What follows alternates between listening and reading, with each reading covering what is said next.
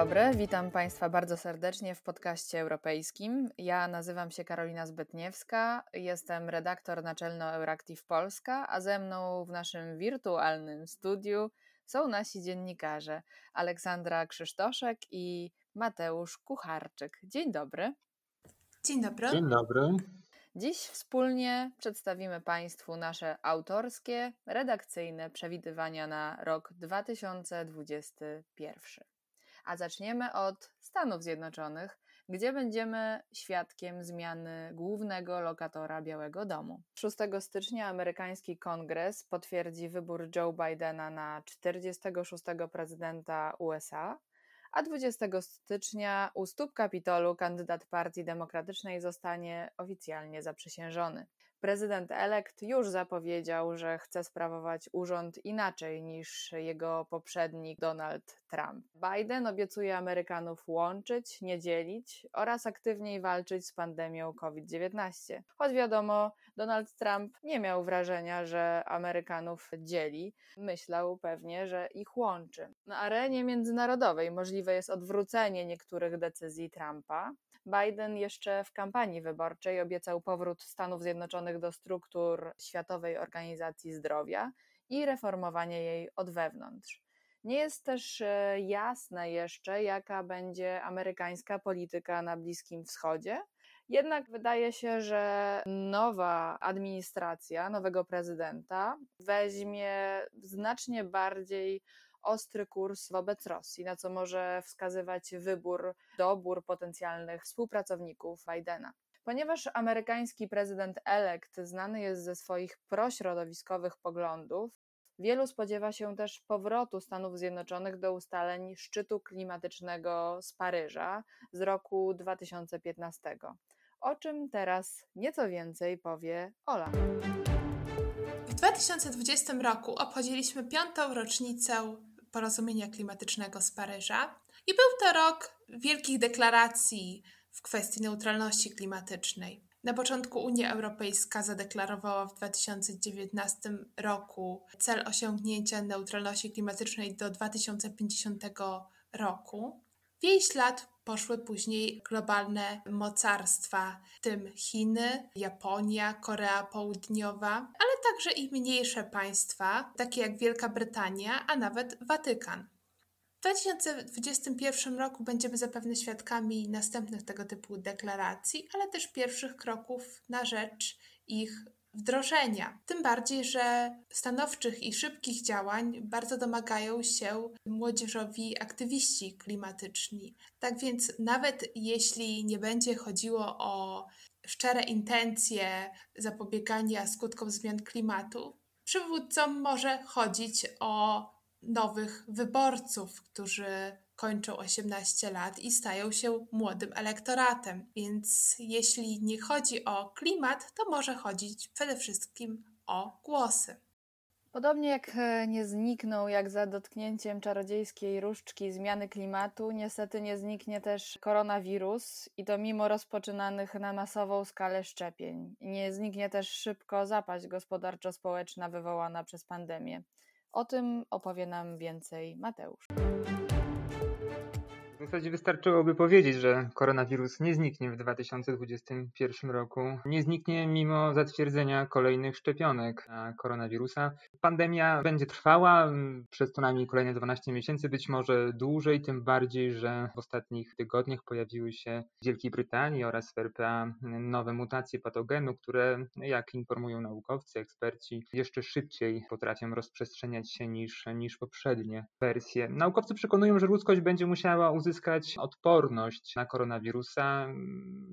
Są jedynie dwa sposoby na to, to znaczy mamy do wyboru albo szczepienia, albo przechorowanie choroby COVID-19. Ta pierwsza opcja oczywiście wydaje się o wiele bezpieczniejsza i mniej dolegliwa. Pytanie, czy uda się przekonać wszystkich do szczepienia. To zadanie szczególnie dla polityków, ponieważ naukowcy wykonali swoje zadanie, opracowali szczepionkę na koronawirusa w rekordowym tempie 9 miesięcy. Nigdy w historii jeszcze szczepionka nie powstała na żadną chorobę w tak krótkim czasie. Teraz pałeczka po stronie polityków, liderów, liderów opinii. Czy uda im się przekonać obywateli do szczepień? Zaczęli przytupem. Zaszczepili się już na przykład prezydent elekt Stanów Zjednoczonych Joe Biden. Oczywiście było to transmitowane w telewizji. W Polsce wczoraj mogliśmy obserwować obecnego i byłego marszałka Senatu, którzy zaszczepili się w Warszawie. Teraz czas na polityków. Zobaczymy w kolejnych tygodniach, w jaki sposób uda im się osiągnąć to trudne zadanie.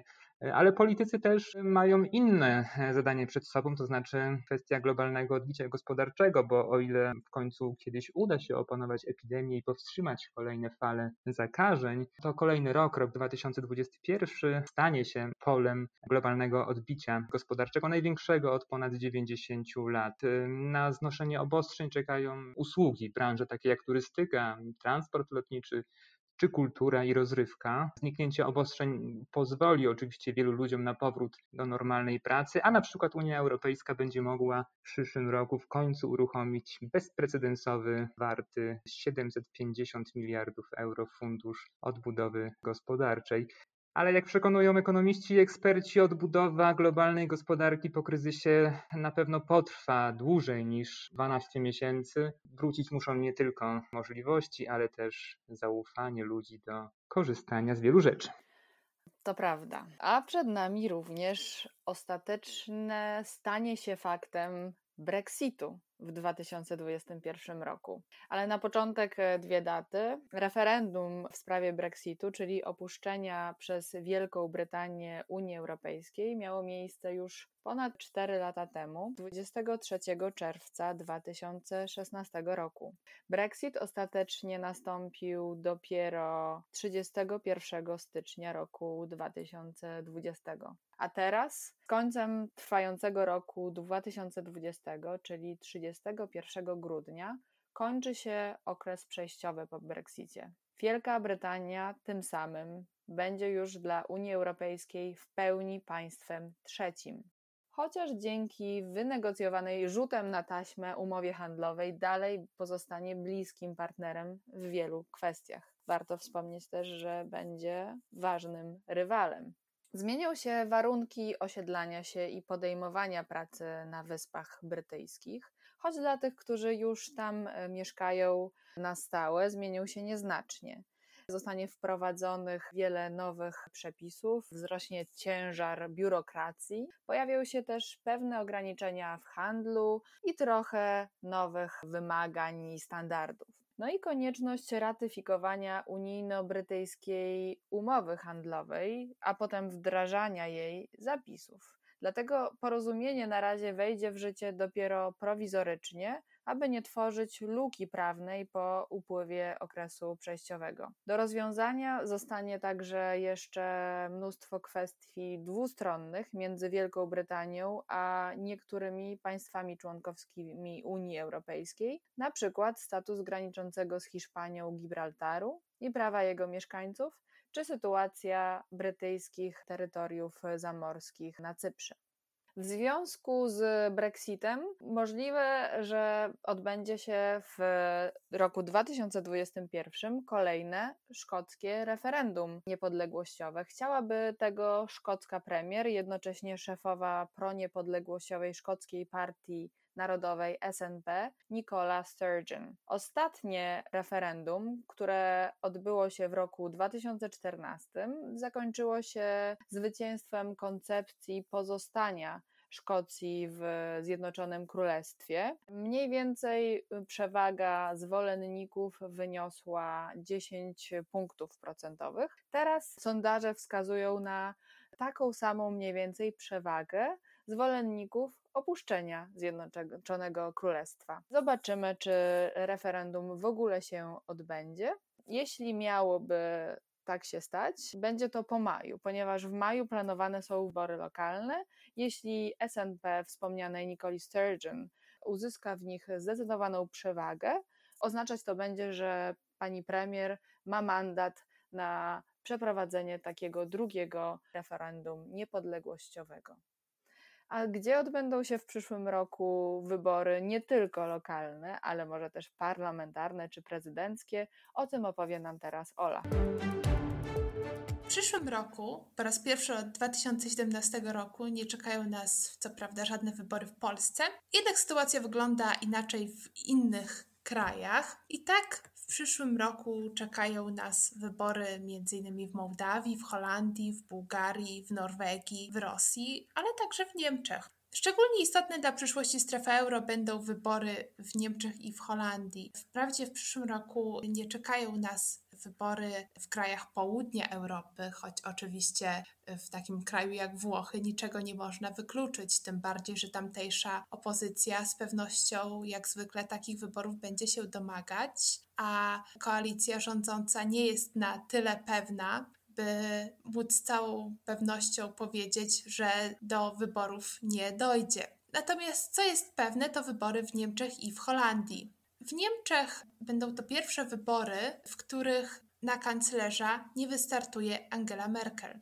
Niestety widzimy, że na horyzoncie nie ma równie charyzmatycznego co Merkel potencjalnego następcy obecnej kanclerz i prawdopodobnie w perspektywie najbliższych przynajmniej dwóch, trzech lat taka osoba się nie pojawi. Ma to znaczenie także ze względu na rolę Niemiec w Europie. Tak więc ja nawet pokusiłabym się o tezę, że może dojść do pewnego osłabienia Niemiec w tym dotychczasowym duopolu Berlina i Paryża na arenie europejskiej. I być może ten duopol Berlin-Paryż zostanie niejako przynajmniej na chwilę zastąpiony przez duopol Paryż-Haga. Tym bardziej, że na jak najlepszej drodze do kolejnej kadencji w roli premiera jest Mark Rutte. Jeśli utrzyma on to stanowisko, co ciekawe, ma szansę e, stać się najdłużej rządzącym premierem w Europie i wyprzedzić w tej roli Angelę Merkel. Partia Ludowa na Rzecz Wolności i Demokracji ma stabilną przewagę w sondażach. Na co wpływa również popularność samego Rutte, który według sondaży jest uważany przez ponad połowę Holendrów za najlepszego premiera od II wojny światowej. Jednak po piętach tej partii depcze także Partia Wolności Girta Wildersa, co może oznaczać w najlepszym razie powtórkę z 2017 roku i wysokiego wyniku Wildersa. Tak czy inaczej, możemy spodziewać się dużych wysiłków w formowaniu koalicji, jak to zwykle bywa w Holandii. Będziemy mieli też wybory w Norwegii, gdzie partie idą web w web. Erna Solberg będzie walczyła o utrzymanie władzy, natomiast pozostające od 2013 roku w opozycji Partia Pracy, a także agraryści również mają bardzo wysokie poparcie w sondażach i może dojść do kolejnej zmiany władzy. Będziemy mieli także wybory w Izraelu, o których że się odbędą, dowiedzieliśmy się w zasadzie w ostatniej chwili i będzie to czwarte takie głosowanie w ciągu niespełna dwóch lat. Będziemy mieli także wybory prezydenckie w Kirgistanie i Portugalii, a także wybory lokalne w Wielkiej Brytanii i w Katalonii czy w Hongkongu.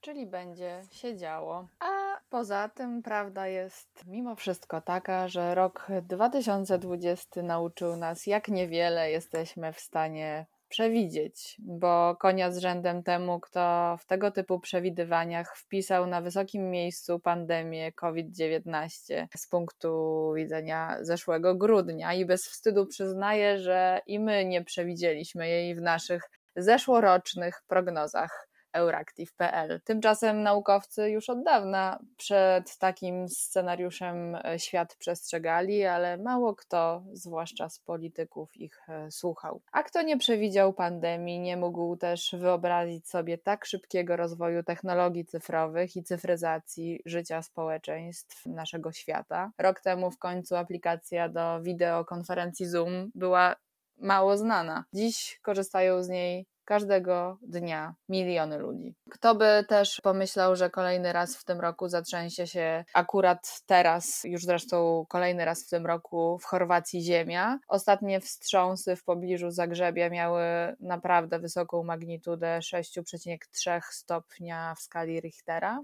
I jednak to nie wszyscy wciąż kandydaci na nową zagładę. Jest e, takich przynajmniej kilku. To oprócz groźnych mutacji koronawirusa lub e, kto wie, kolejnych patogenów, już dziś namacalne i obecne, coraz poważniejsze, już przez nas dzisiaj wspomniane zmiany klimatyczne, a także wywoływane przez nie gwałtowne zjawiska pogodowe, także wspomniana w kontekście chorwackim aktywność sejsmiczna. Oby jednak ten rok 2021 obszedł się z nami łagodnie. My tymczasem mniej kupujmy, mniej wyrzucajmy, więcej. No dobrze, może nie chcę zachowywać się jak zrzędliwa ciotka, ale wiadomo, każdy z nas ma wpływ i to nie tylko na swoje życie. Zatem szczęśliwego, zdrowego nowego roku życzymy Państwu w imieniu całej redakcji Euractiv Polska. Do usłyszenia.